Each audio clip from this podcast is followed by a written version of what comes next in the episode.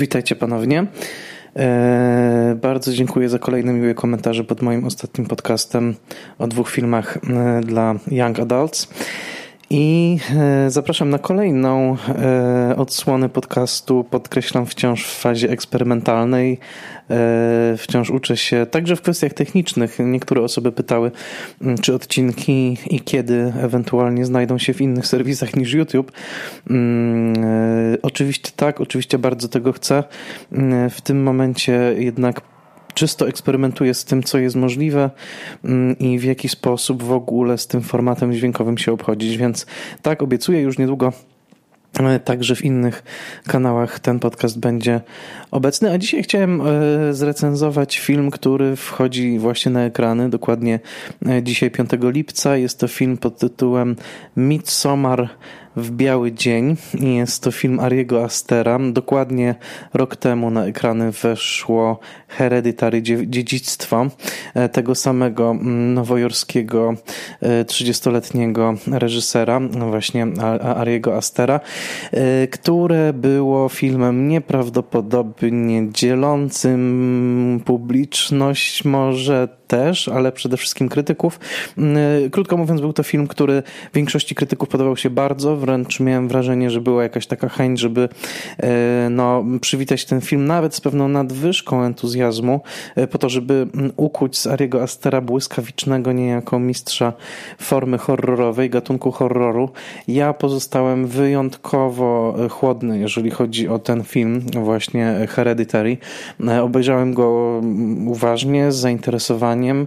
E, bardzo doceniam stronę formalną zdjęcia Pawła Pogorzelskiego, fantastyczną rolę Toni Colette. Gabriela Berna i wiele innych także scenograficznych e, smaczków, bo tam między innymi mieliśmy do czynienia z wieloma mm, takimi ujęciami, w których zaburzona była nasza percepcja między tym, co e, jest dużych rozmiarów, co jest małych rozmiarów. Gra z miniaturami była tam rzeczywiście bardzo wyrafinowana. Natomiast koniec końców miałem wrażenie, że jest to absolutnie puste jako, jako gest. Jest to tylko i wyłącznie no, mm, tworzenie takich, takiego hiperświadomego, hiperwyrafinowanego, e, bardzo mózgowego e, horroru, który celuje od razu w arcydzieło. To znaczy, który zamiast przejść te wszystkie etapy, nie wiem, zdobywania naszego zainteresowania, budowania grozy, mm, przede wszystkim dotykania jakiejś takiej, mm, takiego głębokiego źródła tej grozy, od razu celuje w półkę z napisem e, artystyczny horror, e, e, półka z arcydziełami, tak? Tak jakby reżyser, tak przynajmniej to odczuwałem oczywiście, postanowił sobie, że tak, zrobię film, który będzie można postawić obok dziecka Rozmery i paru innych horrorowych klasyków. Dla mnie było to całkowicie przestrzelone, to znaczy przede wszystkim fabuła postaci i cały mechanizm fabularny nie był na tyle dobrze nakręcony, ta sprężyna nie trzymała wystarczająco mocno, żeby po tych no, 120 kilku minutach, kiedy przychodziła kulminacja, yy, która w moim przekonaniu była po prostu głupia, to znaczy ta scena z tym takim pseudorytuałem yy, była tak mało straszna, miała w sobie coś takiego takiego mm, bardzo naiwnego teatrzyku grozy, w którym tak naprawdę nie wiedziałem, czego mam się bać. Czy, czy, czy mam się bać okultyzmu, czy mam się, e, czy mam współczuć z bohaterami. Po prostu byłem całkowicie zagubiony, więc tak, filmowi przyznałem dosyć niską niską notę i do dzisiaj e, no nie, nie mam ochoty do niego wracać. Natomiast teraz na ekranach e, właśnie pojawia się nowy film Arego Ostera, czyli zatytułowany film e, już to mnie troszeczkę drażni Midsummer, czyli zamiast amerykańskiego, angielskiego Midsummer w połowie lata mamy Midsummer, czyli skandynawsko brzmiące mniej więcej tak jak meble z Ikei. Już sobie wyobrażam taką właśnie kanapę Midsummer E, szwedzko brzmiącą połowę lata. Mm, e, od razu sobie mm, wyobrażam inne e, tytuły horrorów, które można by w ten sposób uskandynawić, ale to już zostawiam waszej, waszej inwencji ewentualnie. Mm, w każdym razie, no tak, no mamy film Midsommar w Polsce dodane dodatkowo jest w biały dzień. Film trwający 147 minut, na który wybierałem się z dosyć dużym lękiem, pamiętając właśnie tę, e, e, ten trudny seans Hereditary. I tutaj zaskoczenie, bo mm, może zacznę od dwóch punktów. Po pierwsze, jest to film, który oceniam lepiej niż Hereditary. Po drugie, jest to film, który nadal do końca mnie do siebie nie przekonał. Jest to film, którego, któremu wystawiłem e, na Filmwebie 5 punktów na 10. Jest to film, w którego pierwsza godzina bardzo mnie porwała i bardzo zrobiła na mnie duże wrażenie, e, którego kolejna godzina i kolejne pół godziny dosyć mnie rozczarowały. E, I jest to film, który polecam każdej osobie, która chce się zmierzyć no, z jednym z najambitniejszych twórców horroru współcześnie. To nie ma o czym mówić. Warto ten film zobaczyć, tym bardziej, że aura sprzyja, ponieważ to, co widzimy na ekranie i to, co przeżywamy e, w upalnej Polsce dzisiaj, całkiem nieźle się ze sobą rymuje. Natomiast no tak, to, to taki krótki wstęp. Drugie zastrzeżenie, jakie poczynię, to, że będą spoilery. Powtarzam, będą spoilery. Powtarzam, będą spoilery. E, to będzie recenzja e, spoilerowa. No i tak, zacznijmy może od krótkiego streszczenia. Mm, Florence Pugh gra tutaj, która jest notabene bardzo dobra, możecie ją pamiętać z Lady M, takiego feministycznego przepisania Macbeta Szekspira, które parę lat temu było obecne na naszych kranach, no, notabene oparte na innym mm, dziele, które także mm, Andrzej Wajda przeniósł na ekrany, to była ta syberyjska e, e, lady, powiatowa, przepraszam, Lady Macbeth. Więc Florence Pugh, fantastyczna aktorka, gra tutaj Dani. Mm, Dani, dziewczynę, którą poznajemy w takim szczególnym momencie, mianowicie Poznajemy ją jako cierpiącą na stany lękowe, jako no, nieusatysfakcjonowaną swoim związkiem z Jackiem, tutaj w tej roli e, Christian e, Hughes, e, i także no, pozostającą w takiej toksycznej relacji ze swoją siostrą siostrą, która y, y, no, jest w jakichś dużych kłopotach, mm, wysyła mm, Dani e, maile y, z desperackimi wiadomościami, w pewnym momencie milknie, Dani jest przerażona tym milczeniem, dzwoni do Christiana, w zasadzie w tym momencie ją e, poznajemy i Tutaj dwie rzeczy w zasadzie od razu w pierwszych 10 minutach dzieją się, które ustawiają resztę filmu. A przynajmniej dobrze by było, gdyby ustawiły, bo później film trochę wyskakuje z kolejn i toczy się po zboczu jak spadający w przepaść pociąg, ale do tego jeszcze dojdziemy. Mianowicie yy, Dani dzwoni zaniepokojona do swojego chłopaka, dzieli się swoimi lękami, oczekując jakiegoś wsparcia. I dostajemy reakcję tego chłopaka w rewelacyjnym ujęciu, długim, chyba dwuminutowym, może nawet trzy, e, ujęciu, w którym e, kamera jest szczelnie zafiksowana na twarzy Florence Pugh, natomiast e, która rozmawia przez telefon, w połowie tej rozmowy zaczyna płakać, to wszystko jest przez nią świetnie zagrane, a my dostajemy jej oczywiście emocje, to jej takie wołanie o pomoc, i dostajemy krótkie, bardzo konkretne, coraz to bardziej zniecierpliwione odpowiedzi jej chłopaka poprzez, e, przez telefon. E, słyszymy te zdania, słyszymy jego ton. Świetne scenariopisarstwo, bo e, tutaj w tej jednej rozmowie ustawiona jest cała ta relacja. To znaczy czujemy coś, co rzeczywiście okaże się prawdą, to znaczy, że Christian jest zniecierpliwiony Dani i tak naprawdę no, jest coraz bardziej, jego cierpliwość jest wystawiana na próbę poprzez te emocje trudne, które ona przeżywa i którymi chce się koniecznie dzielić. E, więc wyczuwamy coś takiego e, przez całą tą rozmowę, że z jednej strony widzimy tą emocjonalną rozwałkę, jaka dzieje się, dzieje się na twarzy Florence Pugh, e, która notabene za chwilkę weźmie leki antydepresyjne. No widzimy, że ona jest, ona jest w ciężkim stanie, a z drugiej strony ten coraz bardziej zniecierpliwiony, lakoniczny, trochę też odrzucający, odpychający ton Christiana przez telefon. E, w tym momencie zdaję sobie sprawę z tego, że to postać nazywa się Christian, e, najmocniej przepraszam, a e, gra go oczywiście Jack Raynor, aktor irlandzki notabene, który, którego możecie pamiętać z najmniej udanego filmu Lennego Abrahamsona, czyli z filmu What Richard Did sprzed paru lat. On nie trafił na nasze ekrany, ale był pokazywany na paru festiwalach, więc ten irlandzki aktor tutaj się wciela w, na Amerykanina, właśnie w Christiana. I Christian i Dani rozmawiają przez telefon, e, wyczuwamy tę, tę relację między nimi, czyli z jednej strony jej ogromne emocjonalne potrzeby, z drugiej strony jego no, e, e, malejąca chęć angażowania się w tę, w tę relację.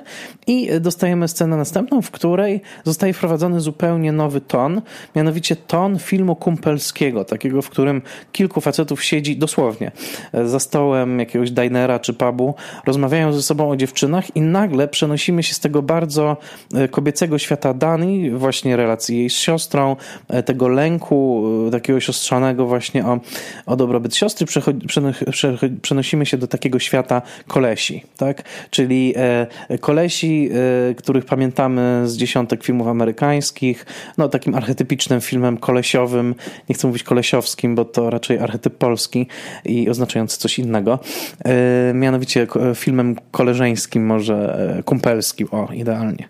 E, w którym jest więcej niż dwóch kumpli, podkreślam, bo nie mówię o Buddy Movie, tylko o takim filmie, w którym mamy grupę przyjaciół. No oczywiście jest film Diner, tak? Diner Barego Levinsona, arcydzieło z roku 82. I tutaj jest, e, jesteśmy mniej więcej właśnie w takim dinerze.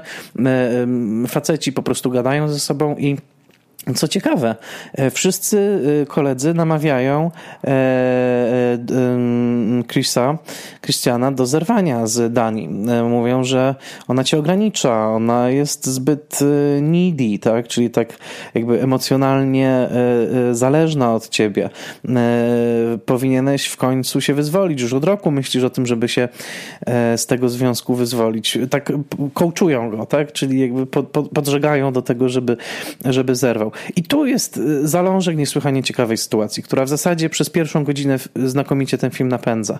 To znaczy, należy postawić zdroworozsądkowe pytanie, dlaczego on z Danii nie zerwie, skoro y, moglibyśmy powiedzieć, dusi się w tym związku.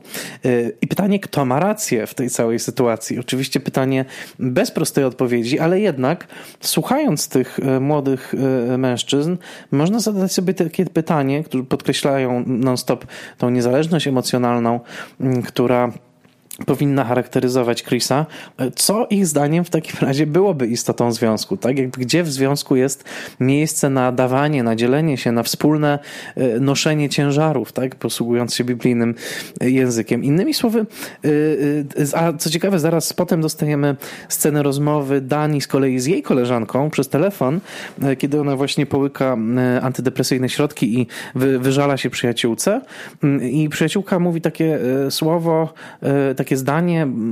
Dani mówi, że y, no nie mogę od niego wymagać, żeby on mnie tak wspierał. Y, przyjaciółka odpowiada, no ale on chyba po to jest, żeby cię wspierać. I tutaj jakby już zatrzymując się na tym poziomie, takim czysto obyczajowo erotyczno-psychologicznym, y, absolutnie dotykamy sedna problemu. To jest film o współczesnych relacjach. Tak? To jest film o współczesnych relacjach damsko-męskich. E, podkreślam to, bo, bo, bo sytuacja na pewno miałaby mm, trochę inny wydźwięk, trochę inny charakter, gdyby to była para homoseksualna.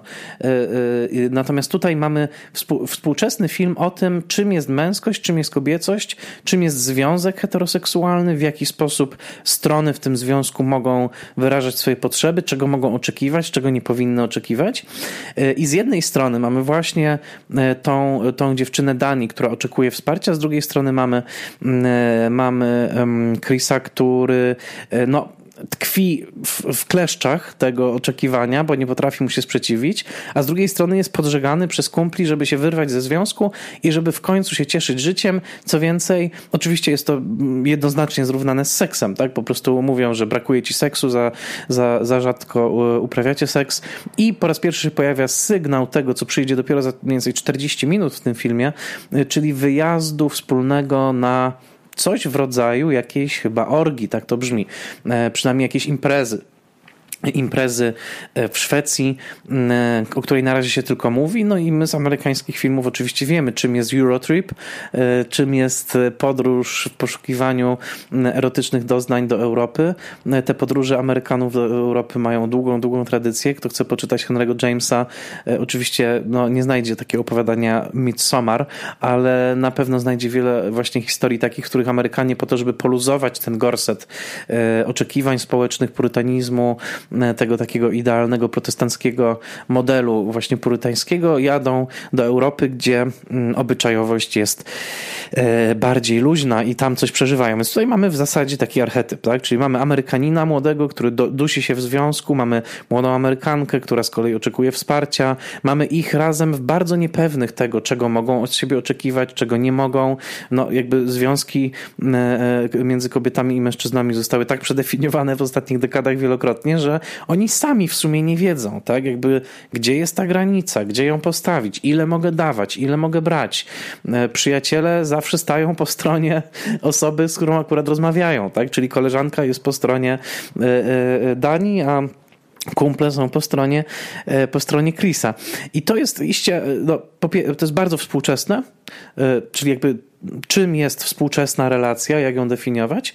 Po drugie, jest to bardzo amerykańskie, bo mamy tu Amerykanów, którzy planują właśnie jakiś wyjazd do, do Europy, kojarzony z e, e, e luźną seksualnością. Tutaj się kłania też Eli Roth, prawda, Hostel, te no wszystkie, wszystkie klasyczne mm, Eurotripy, różnie się kończące, albo orgią seksu, albo orgią krwi.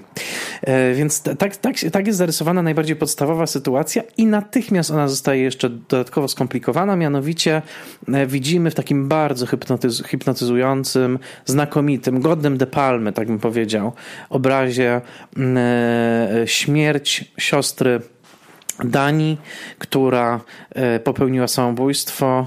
E, w jednym ujęciu jest to znakomicie pokazane. Makabryczny obraz, taki, taka panorama kamery po miejscu rzezi, tak? Czyli e, tak naprawdę no, odsyłam do znanego ujęcia z góry w taksówkarzu Martina Scorsese, gdzie pod koniec kamera bardzo powoli kontempluje nieruchomą, znieruchomiałą, taką zamrożoną w posoce scenę właśnie rzezi.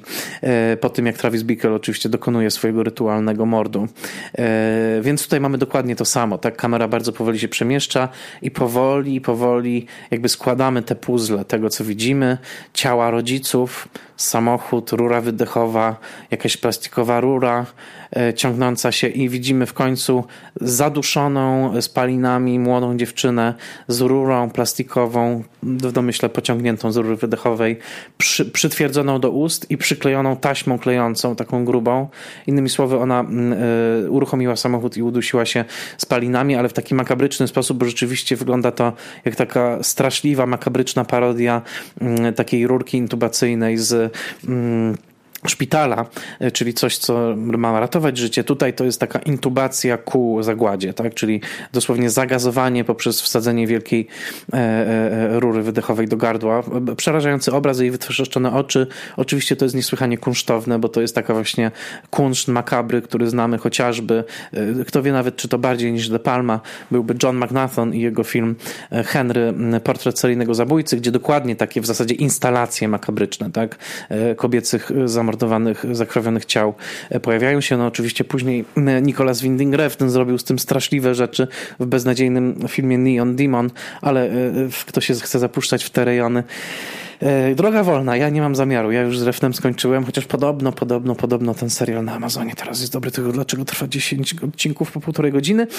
No nie wiem. W każdym razie to komplikuje całą opowieść, bo okazuje się, że no, mm, siostra popełniła samobójstwo. E, więc mamy bardzo mocną scenę, w której mm, Chris odbiera telefon, znowu tego samego wieczora odbiera telefon od Dani i tam jest już tylko e, Skowyt. Skowyt, jej płacz, Zaraz potem przychodzi ten obraz, który opisałem. No, wobec tak wielkiej żałoby, jak żałoba po, po samobójczej śmierci siostry, po zagazowanych rodzicach, no, Chris nie może odejść, tak? Chris musi, e, musi trwać przy swojej, e, przy swojej partnerce. Co więcej, mówi jej o tym, że planuje taką wycieczkę u boku przyjaciela, tutaj Josha, granego przez Williama Jacksona Harpera, który jedzie do tej Szwecji po to, żeby mm, kontynuować swoje badania, swój research do pracy, do pracy doktorskiej na temat rytuałów połowy lata, tak, czyli letniego przesilenia. On mówi o tym Dani, oferuje jej, czy może pojedzie z nimi. Mm, ona przyjmuje propozycję i jest jedna z najlepszych scen tego filmu, najśmieszniejszych. Długie ujęcie, w którym mamy tych siedzących na kanapie kolegów, którym Chris nieśmiało mówi, właśnie komunikuje tę wiadomość, że tak, poinformował Dani, być może ona z nami pojedzie. Świetne reakcje, świetny timing, e, powoli narastająca świadomość, prawie jak w odcinku Seinfelda, e, świadomość tego, jak bardzo wszyscy społecznie są z jednej strony uprzejmi, żeby nie naruszyć żałoby Dani i relacji z Chrisem, z drugiej strony naprawdę nie chcą, żeby ona jechała, no bo jak pojedzie, to no, basically, e, mówiąc po angielsku, zepsuje imprezę, tak? E, nie, nie będzie można e, pogrążyć się w tej seksualnej wolności, którą sobie wy, wyśnili. Więc świetna scena i równie dobra w momencie, kiedy Dani wchodzi i tak bardzo nieśmiało mówi, że słuchajcie, chłopaki, może nie powinnam z nami jechać, a oni mówią, nie, oczywiście, jedź. Rewelacja. Sitcom na najwyższym poziomie. Świetna scena. I tu wkrada się pierwszy element e, creepiness, czyli takiej właśnie e, grozy z pogranicza niesamowitości, dziwności. Mianowicie w trakcie tej samej sceny Dani rozmawia z niejakim, e, z niejakim Pelle. Pelle Zwycięzca, zawsze mi się kojarzy ten film Złota Palma roku 88, czyli roku, w którym urodził się Ari Aster, więc być może jakiś znak, a być może wcale nie. W każdym razie bohater się nazywa Pelle, jest Szwedem, E, i gra go Wilhelm Blomgren. Nie znam tego aktora, ale chcę powiedzieć dwie rzeczy. Po pierwsze jest świetny, po drugie wygląda jak Jakub Dębski-Dem, którego pozdrawiam niniejszym. Nie sądzę, żeby słuchał, ale naprawdę jest po prostu e, Wilhelm jest sobowtórem Dema, co jest dosyć zabawne, e, zwłaszcza, że ma nawet podobną trochę mimikę, a, a Dem ma bardzo zabawną mimikę i jak tutaj właśnie tak mrugał chwilami Wilhelm, to myślałem sobie o Demie. Więc, e, więc tak. I Pelle zaczyna z nią rozmawiać, oferuje jej e, ciepło, współczucie, taką, taką jakby towarzyszenie w żałobie i to jest niesamowicie miłe, ale z drugiej strony jest naprawdę dziwne, bo e, to, to, spojrzenie Pellego, ten taki uśmiech, to wszystko sprawia, że to jest klasyczne... No i oczywiście to, jak wypytuje ją o pewne rzeczy, które mogą później zaistnieć w fabule już w wersji horrorowej, Mniej więcej to jest, przypomina taką rozmowę baby Jagi z Jasiem i Małgosią, gdyby baba Jaga była bardzo uprzejma, tak? Czyli na zasadzie, mmm, dzieci, co jadłyście dzisiaj? Mmm, tłuszcz gęsi, mmm, to bardzo dobrze, a pokażcie boczki. Bardzo dobrze, że to wam smakowało. No mniej więcej tak to, e, tak to wygląda. Więc e, Pelle e, pojawia się właśnie jako taki, po raz pierwszy go w, tym, w tej scenie widzimy jako jako mm, ewentualnego no, nośnika, nośnika zguby, że tak powiem, czy herolda niesamowitych zdarzeń. Po czym jedziemy do Szwecji. I tutaj zaczyna się, w tym momencie skończę streszczenie scenie, scena po scenie. Chcę tylko powiedzieć, że tutaj zaczyna się część filmu, która na początku jest bardzo fascynująca, a potem staje się bardzo problematyczna. E, cały film będzie o tym, w jaki sposób mm, ta grupa młodych ludzi odnajduje się w tej wspólnocie, do której trafiają, czyli wspólnocie, którą e, którą Josh ma e, badać. Mm, dodam, że jest jeszcze jeden przyjaciel, Mark, grany z kolei przez brytyjskiego aktora Willa Poultera, którego możecie znać przecież z filmu Millerowie, który grał w wielu, wielu komediach. E, no i ma taki powiedzmy styl trochę jak Christian Mintz Place z Superbad, tak? Czyli takiego e, nerda, e, erotomana, który no, jest jakby czystym id, tak? Myśli tylko o seksie, mówi tylko o seksie, planuje tylko seks więc taki dosyć e, no, klasyczny układ e, tutaj, że, że każdy mm, z tych postaci reprezentuje jakiś stereotyp. No i oni wszyscy wybierają się do owej Szwecji. No i co się dzieje? Trafiamy do tego, co znacie ze zwiastuna filmu, tak? Czyli trafiamy do tego, do tej krainy wiecznego słońca, słońce nie zachodzi, cały film jest skąpany, no tutaj wspaniałe zdjęcia Pogorzelskiego właśnie wśród tego, mm, wśród zieleni łąk, e, skandynawskiej czystej, krystalicznej urody, blond włosów, w zasadzie wszystkich członków obsady. Jest to, że tak powiem, najbardziej blond obsada, co najmniej od czasu Triumfu Woli. Leni Riefenstahl ewentualnie od Białej Wstążki Michela Hanekego, więc wszyscy są po skandynawsku albo blond, albo, albo rudzi, niebieskoocy. Wszystko jest zielone, słoneczne, białe, e, rozświetlone, prześwietlone, przepalone, jednocześnie soczyste, bo kwiaty tam są bardzo wybite na e, plan pierwszy też dlatego, że Dani pod koniec zostanie pokazana trochę jak taka kwietna królowa. No, w każdym razie jest to fantastycznie zainscenizowane. No to co tutaj dużo mówić. To powolne zbliżanie się do tej wspólnoty dziwnej, takiej archaicznej, e, troszeczkę mi nie kojarzącej się szczerze mówiąc z filmem Osada M. Nighta Shyamalana tudzież z filmami o Amiszach, no jakby jesteśmy w świecie odciętym od cywilizacji, tak? E, albo inaczej, bo tutaj zawarte jest pewne wartościowanie. W świecie odciętym od współczesnej cywilizacji przemysłowej. Więc y, no tak, to wygląda świetnie. Y, powolne przyjmowanie zasad tego świata, czyli tego, że słońce nie zachodzi, y, tego, że postaci przyjmują, przyjmują narkotyki, to, że te narkotyki na nich wpływają, to są jakieś herbatki. Świetne takie ujęcie, w którym widzimy zalewaną herbatę i fusy, które krążą, taki, taki rumianek w tańcu. Bardzo, bardzo to jest wszystko zmysłowe, też dodajmy.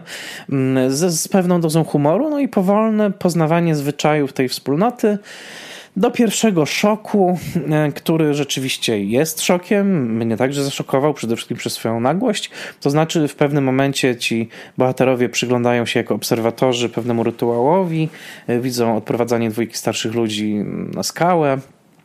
Hmm. E, ci ludzie wchodzą na tą skałę, śpiewy hipnotyczne, niemal jak piknik pod wiszącą skałą. E, to zresztą nie sądzę, żeby to było przypadkowe skojarzenie.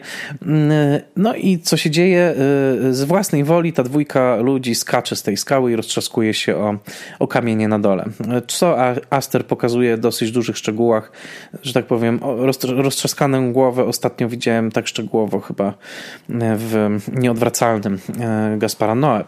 Więc szokujący moment, nieprzyjemny jednocześnie moment niestety ostatni dobry w tym filmie, to znaczy e, od tego momentu wszystko zacznie się sypać, bo moment jest znakomity, dowiadujemy się, że ta wspólnota tak reaguje, znaczy tak e, funkcjonuje, że starsze osoby, tam jest bardzo wyraźny zasygnalizowany podział od do. Nie pamiętam już tych wszystkich przedziałów, ale mniej więcej coś takiego od, e, od lat 0 do 12 roku życia jesteś dzieckiem, od 12 do 24 się uczysz, od 24 do 36 pracujesz, chyba, no jakby cały, y, w końcu 72 rok, bohaterka pyta i co wtedy, na co Pelle y, uroczo wykonuje gest podcinania gardła dłonią, y, uśmiechając się łobuzersko, no i wtedy już oczywiście wiemy, gdybyśmy wcześniej się nie domyślali, że coś krwawego się tutaj wydarzy, Innymi słowy, obserwujemy rytuał pozbywania się starszych członków wspólnoty dla dobra tej wspólnoty. Tak? No rzecz, która w kulturze jest obecna. Dodajmy,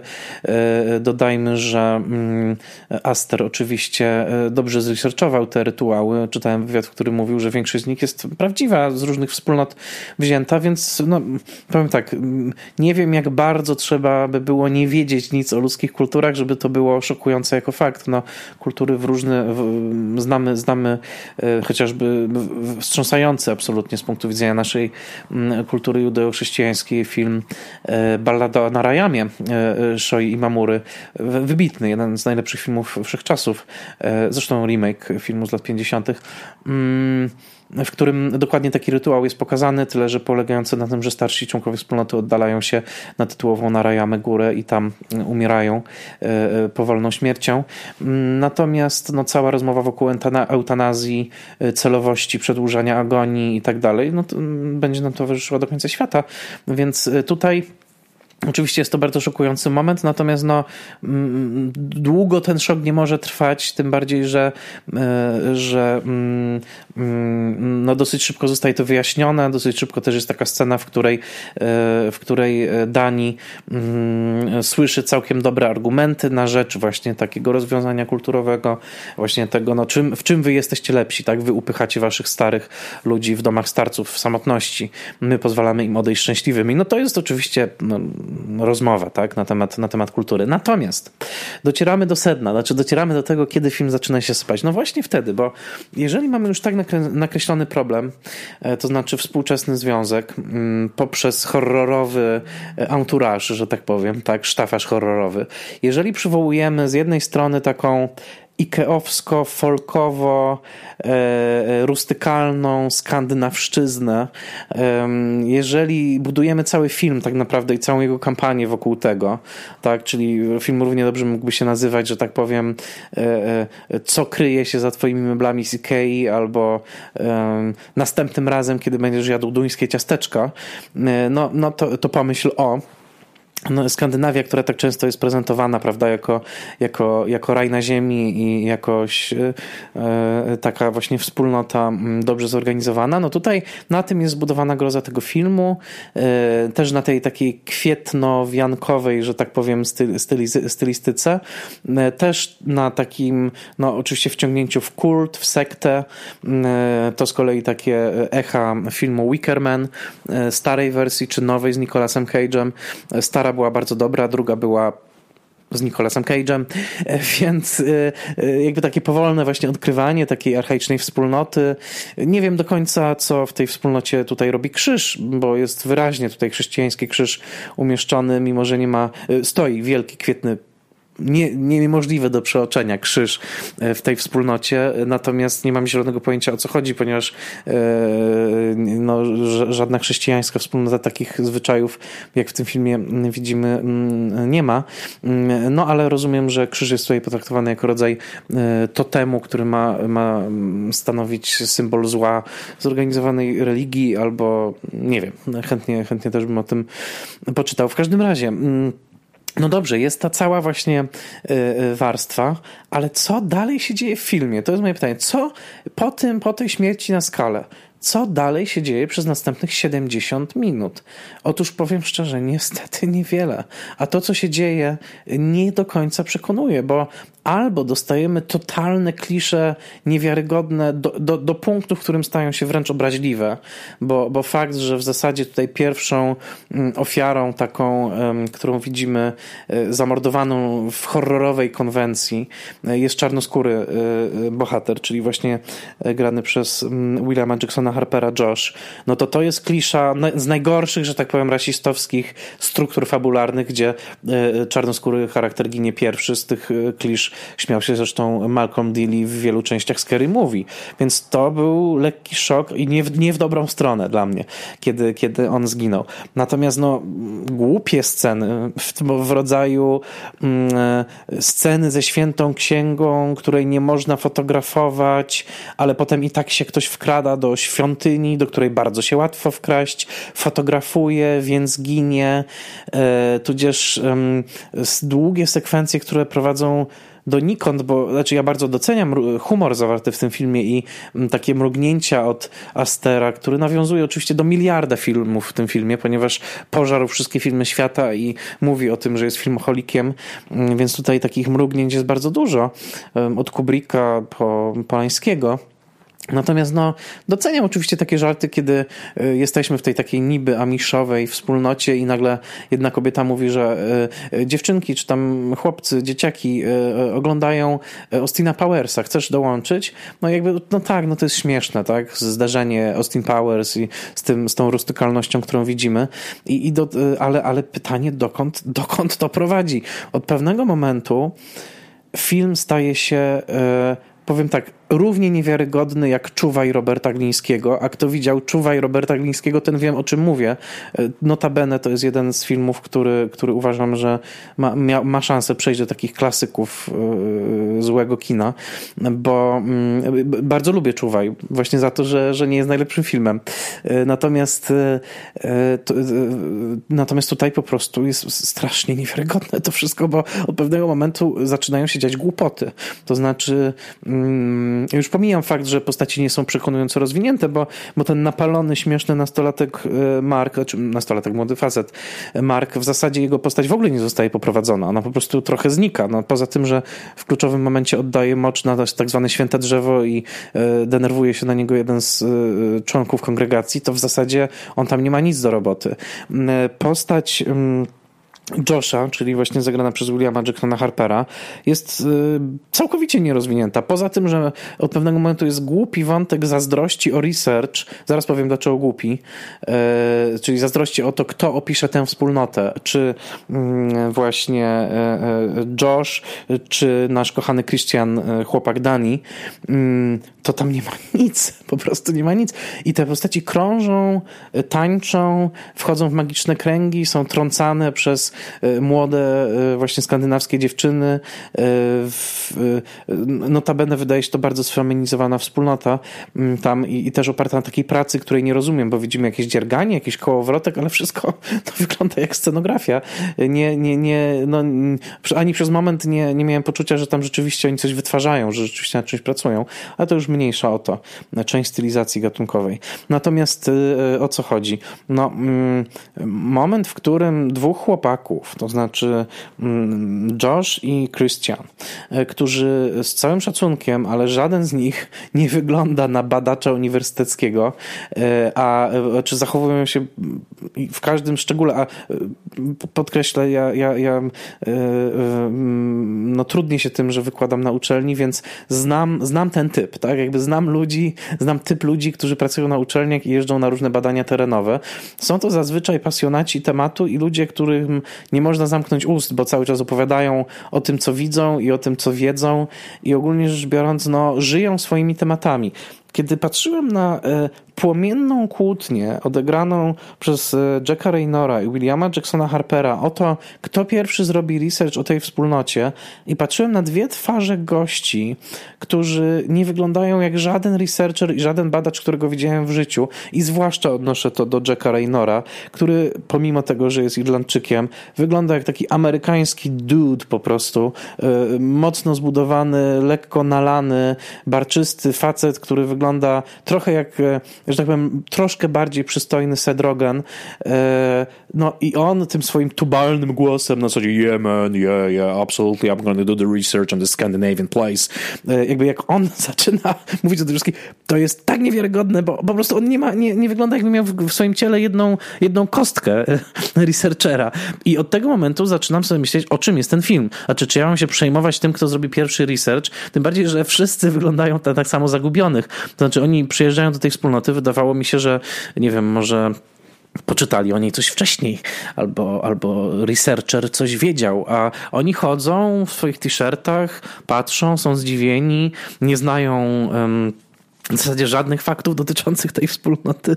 No jest to, jest to, wszystko, jest to wszystko trochę niewiarygodne. I to ja, y, ironizuję, ale od tego momentu w filmie zaczynają się dziać naprawdę złe rzeczy. Znaczy, nie wiadomo dokąd on zmierza, film traci busolę, są tutaj sceny bardzo intensywnie zagrane. Oczywiście, no Ari jest Ari, Ari Aster jest, jest bardzo zdolnym reżyserem, więc on potrafi y, stworzyć sceny, które mają taką temperaturę, też doprowadza aktorów na, na, na granicę histerii, y, ale, ale ta maszyna kręci się bez sensu przez ostatnie 40 minut. No i wszystko zmierza do kulminacji, która jest podobna do kulminacji Hereditary, to znaczy jakby kwestia okultystycznego rytuału, który wygląda trochę jak taka para hipisowska impreza, że tak powiem, w lokalnym kółku y, miłośników ogrodnictwa, bo te kwiaty, wianki, y, jakieś świece, to wszystko jest tak staroświeckie, jak tak naprawdę się na tym zastanowić i, i, i kręgi, i figury, i runy, i trójkąty, i, i to wszystko. Znaczy, końcowa, końcowa kopulacja i ofiara, której tutaj nie zaspoiluję, chociaż no, jeżeli tu dosłuchaliście, to widzieliście już film, że tak powiem, chodzi mi o scenę z misiem e, i spłonięcie e, kluczowej postaci po to, żeby druga mogła być oczyszczona. E, powiem tak, nie mam absolutnie nic przeciwko horrorowi, który opowiada o traumie i horrorowi, który jakby rozważa istotę związków międzyludzkich. Tutaj jest taka sugestia, bardzo wyraźna, że, e, że te związki międzyludzkie zawsze są podszyte jakimś atawizmem, tak? zawsze są podszyte jakąś przemocą. Okej, okay, nie ma problemu, to jest propozycja, to jest myśl. Natomiast film e, e, sprawia, że przez ostatnie 45 minut to przyjmuje formę takiego dosyć groteskowego, przyciągniętego w czasie baletu i tańca siedmiu zasłon, w której kiedy spada siódma zasłona, okazuje się, że nie ma nic w środku. I, i to jest mój wielki problem z tym filmem, który bardzo szanuje za formę, bardzo szanuje za to jakby ilość talentu talentu, jaka jest tutaj zaangażowana w to i pracy, i rzemiosła, ale niestety, no nie potrafię pokochać Ariego Astera, bo y, y, mam wrażenie, że, że jest to reżyser, który zakochuje się we własnych pomysłach, a wszystko, że tak powiem, co nie pasuje mu w historii i co jest ewidentnym no, albo błędem scenariuszowym, albo jakąś taką, taką niechlujnością, takimi dyndającymi szwami, to po prostu załatwia wszystko E, swoim magicznym trikiem, który już powtarza w drugim filmie, więc jak rozumiem, to jest coś, co, co, co w jego przekonaniu rozwiązuje wszystkie problemy, czyli takim odegraniem tajemniczego rytuału, tak? No, tak jak tutaj ten, ten rytuał z kopulacją i, i z krwią i z niedźwiedziem, ale no, mm, nie, nie przerażają mnie te rytuały. Mm, one są podkręcane niebywale i, i w tym momencie już męczącym e, e, naddatkiem muzyki i efektów dźwiękowych, bo w pewnym momencie to już jest taki huk po prostu,